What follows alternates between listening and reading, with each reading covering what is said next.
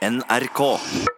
Det er klart for Kulturnytt, Anne Jetlen Hansen. eh, Hva skal vi snakke om? Du burde spisse ørene, Ida, for jeg vet at du er glad i teater. Ja, jeg skal på teater i kveld, og jeg. Ja, og vår teaterkritiker er på plass her i studio straks for å fortelle hva som har vært årets beste teateropplevelser.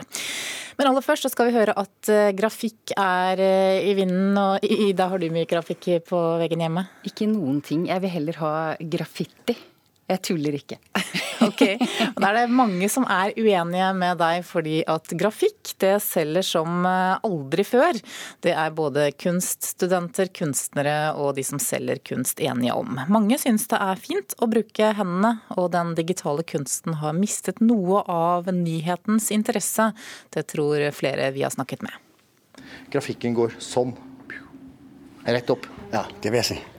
Og så er det et publikum for det også.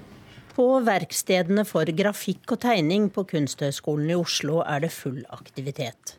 Bror Mikkelborg er verksmester på grafikkverkstedet. Det, det virker som det er et behov for folk å lage ting med hendene. Den har fått en veldig, altså veldig renessanse. Tegning eksempel, er jo også veldig hot, hvis man kan bruke sånt uttrykk. Fordi vi har veldig mange studenter, f.eks. Altså, de kommer da fra hele verden.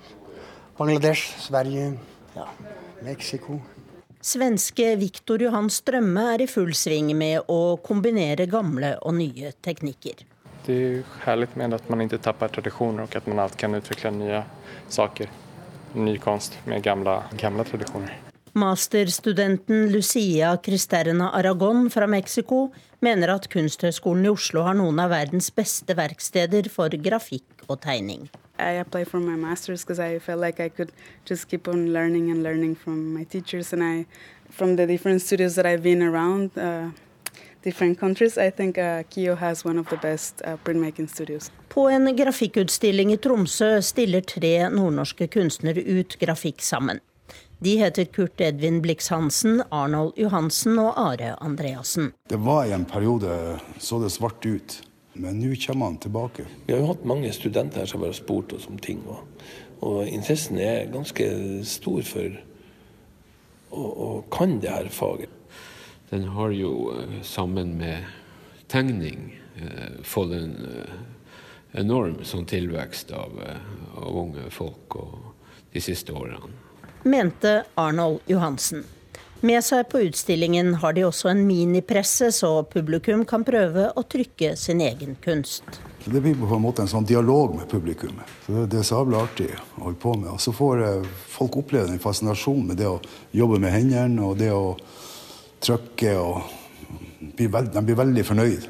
Én million kroner. Der kom det magiske tallet. Kom igjen, da. Tredje og siste gang. Fantastisk. Helt i den andre enden av skalaen, langt fra utstillingen i Tromsø, svirrer det store beløp i lufta på kunstauksjon.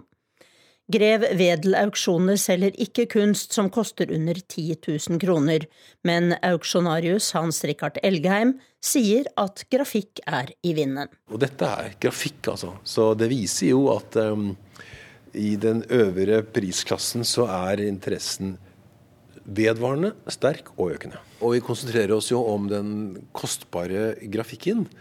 Da teller det ikke så mange navn i og for seg, men det er merkbar økt interesse og stigende priser. Og det har vi sett i flere år. Reporter her, det var Tone Staude. Kunsthistoriker Tommy Sørbø, god morgen. God morgen. Du, hvorfor er grafikk blitt så populært? Ja, jeg tror det er flere grunner til det. En av grunnene er at eh, tidligere så investerte mange i antikviteter. Og det har, eh, og særlig bondeantikviteter da, eh, når det gjelder Norden. Og, og For dem så er det å kjøpe malerier, eh, kostbare samtidsmalerier, kanskje ikke et alternativ, men grafikk blir da en, en litt billigere mulighet. For eh, selv om det er kostbart med grafikk, så er det jo gjerne billigere enn en, en malerier og skulpturer og installasjoner. Ja.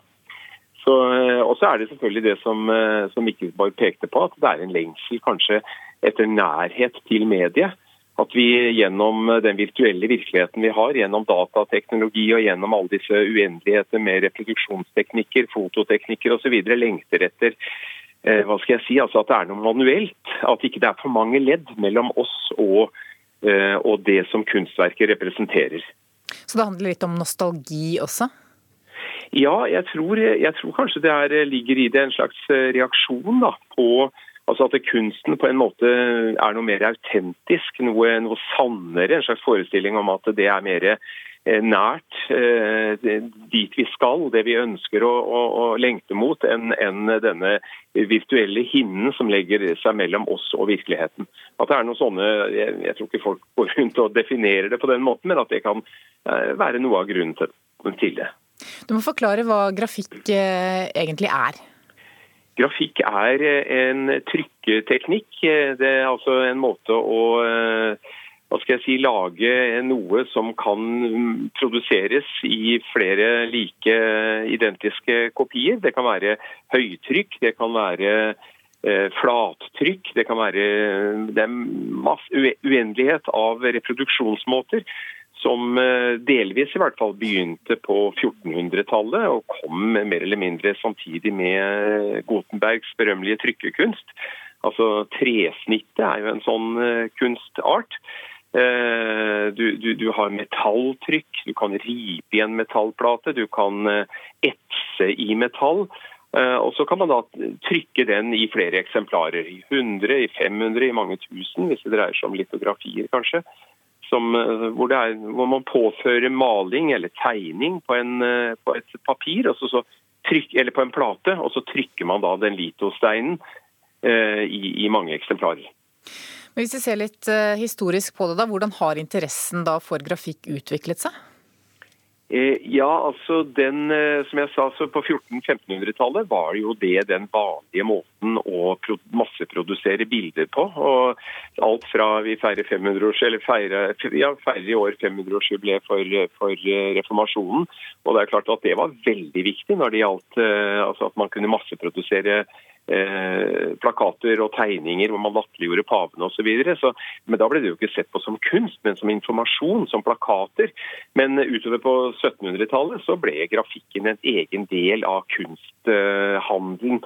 Og her i Norden, kanskje særlig i Norge på 1960- og 70-tallet, så var jo grafikk veldig populært. Det var, eh, det var, studenter og akademikere og andre som kanskje ikke hadde råd til å kjøpe originalmalerier. De kjøpte da grafikk.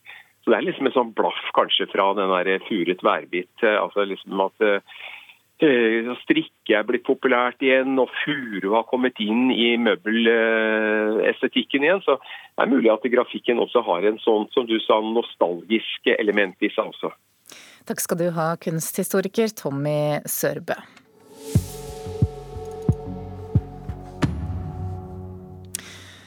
Nå skal det handle om noe helt annet, nemlig dubbing av barne-TV. Hør på dette her. Rupert, Rupert, du må våkne! Hva er det? Hører du det ikke? Vi må finne ut hva det er! Ja, reporter Kristine Sterud, hva var det vi hørte for noe her? Nei, Dette var lyd fra barne-TV-serien Emblas saga. Og denne serien er egentlig svensk, men han blir dubba til norsk når han sendes her i Norge. For om lag halvparten av alle nordiske barne-TV-serier som sendes hos NRK, de er dubba fra originalspråket og til norsk. Og det får flere til å reagere. Skuespiller Lena Kristin Ellingsen sier til avisen Klassekampen at, dubbing av TV-serier virker fordummende. Og hun får støtte av en språkprofessor som sier at det egentlig ikke er så viktig om barn forstår alle ordene i en TV-serie. Og han sier at det er viktigere at NRK formidler nordisk innhold for å bidra til større språkforståelse. Men Hildre Gulliksen, programredaktør i NRK Super, forklarer hvorfor så mye dubbes. Vi velger å dubbe noen svenske og danske serier som er for de aller yngste barna, for å kunne gi dem en fullgod opplevelse av den serien de ser. Det er jo gjerne dramaserier det er snakk om. og Da er jo hele hensikten å kunne krype inn i et univers og å gjenkjenne seg i, i karakteren, i handlingen og, og, være en del av det universet. Og for at ungene, de aller yngste barna skulle kunne få til det, så trenger de å forstå det som sier. For de eldre barna så dubber vi i, i mye mindre grad. Det sa Hildre Gulliksen, som er programredaktør i NRK Super. Nå skal vi oppsummere teateråret.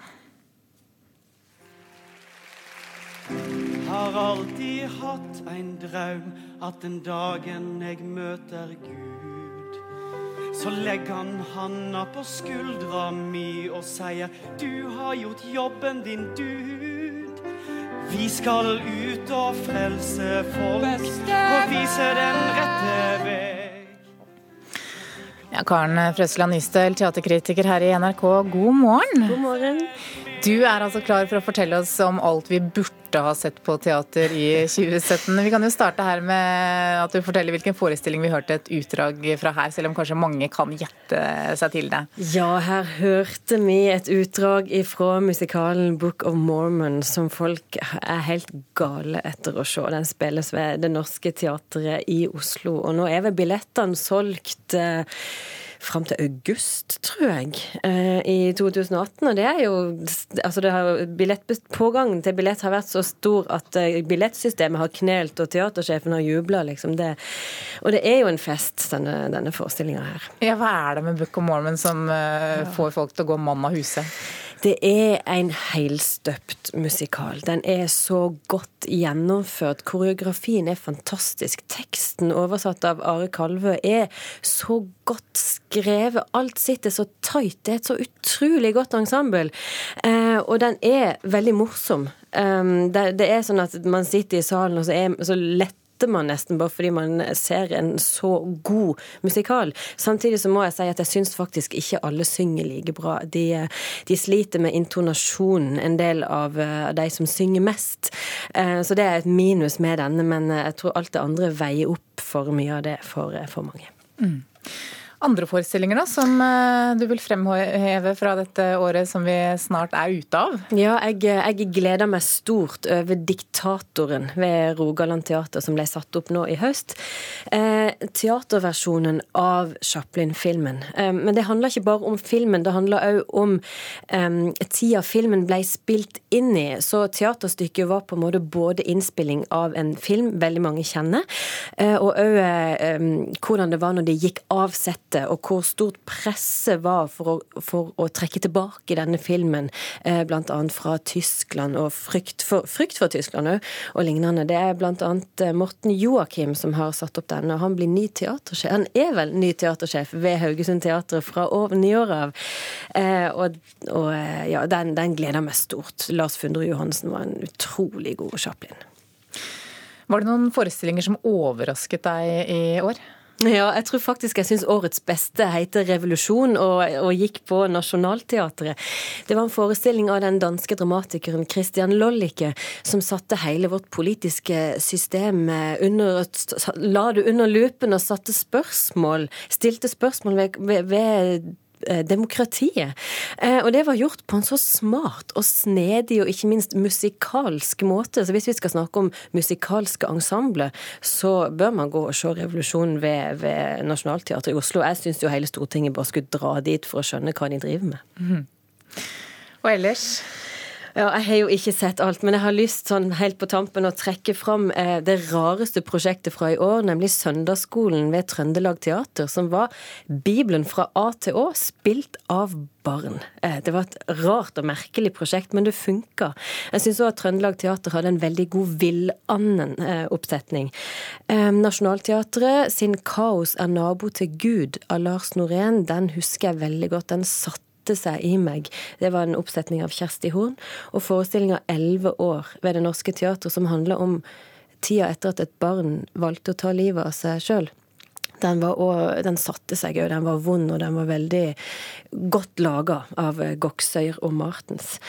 Og så må, må, jeg jo nevne forestillinga Edda, som Robert Wilson satte opp ved, ved Det Norske Teatret i våres. Som var en ikke perfekt forestilling, men forsøk på eh, perfeksjonert teater. Så visuelt så tror jeg det var den største teateropplevelsen jeg hadde i år.